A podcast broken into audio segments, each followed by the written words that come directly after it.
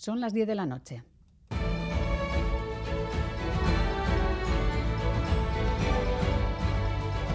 Radio Euskadi y Radio Vitoria. Servicios informativos. Repasamos los titulares de la jornada con John Fernández Mur, Gabón. Gabón, Miriam, noticias de este viernes 12 de mayo en el que hemos conocido los datos del sociómetro para las elecciones forales y municipales del 28 de este mes. El PNV volvería a imponerse en Araba, Vizcaya y Guipúzcoa y en sus capitales y una Euskal Herria Bildu al alza sería segunda. En Vitoria, tres fuerzas políticas se disputarían el triunfo. Los yelzales obtendrían, según el sociómetro, la victoria, pero prácticamente empatados con EH Bildu, ambos con siete ediles y con los socialistas a poco más de dos puntos y medio con seis concejales. Los populares se quedarían con cinco y un El Carrequín a la baja obtendría dos. Juan María Burto rozaría la mayoría absoluta en Bilbao. En Donostia el PNV mantendría diez ediles, seguido de H. Bildu que tendría siete. Y otro de los puntos calientes, las juntas generales de Guipúzcoa, pues bien, según el sociómetro, se reduciría a 2,8 puntos la ventaja de los Yelzales sobre Euskal Herria Bildu. El IPC ha repuntado en Euskadi más de medio punto en abril hasta situarse en el 4,2%. Mientras la inflación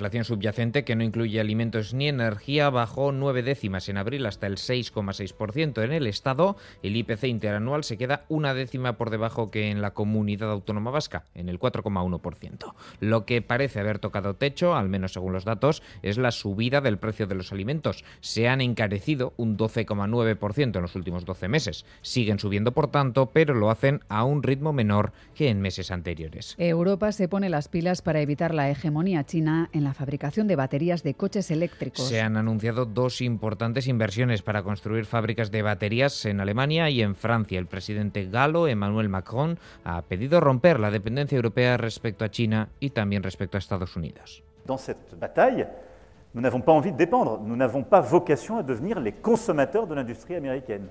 Cuatro corredoras de la Itzulia femenina han resultado heridas tras sufrir, sufrir un accidente con un coche de la Archancha. Ha ocurrido esta mañana cuando se disputaba la primera etapa de esta prueba ciclista. Una patrulla de la Archancha que se dirigía a una emergencia ha entrado en el recorrido y se ha topado de frente con las cuatro corredoras. Una ha chocado con el vehículo, otras tres se han tirado al suelo para no ser arrolladas. Tres de ellas han tenido que ser trasladadas al hospital. Eider Merino, la vizcaitarra que ha sufrido este atropello, ha sido trasladada a Cruces con una contusión en el codo. También han sido trasladadas la italiana Letizia Brufani y la alemana Lana Eberle con un traumatismo en la pelvis y erosiones múltiples respectivamente. La organización de la Itzulia asegura que ellos no han autorizado al coche patrulla entrar el recorrido de la carrera. Apuntan que ha sido la propia Ertzaintza quien ha dado la orden. Borja Vergara, responsable de comunicación el comisario de nuestra carrera, al ver al vehículo de la Archaña, daba el alto y que no pasaba, que había una carrera de, de, ciclismo y que no podía pasar por allí. Y por lo que sabemos, pues alguien desde, desde Ardach, que debe ser como un, eh, un, centro de coordinación que debe tener la Archaña, pues les ha vuelto a decir que, que, tenían que seguir, que se trataba de una prueba de vida y que tenían que seguir. Pero desde la organización de la carrera, por supuesto que no se le ha dicho.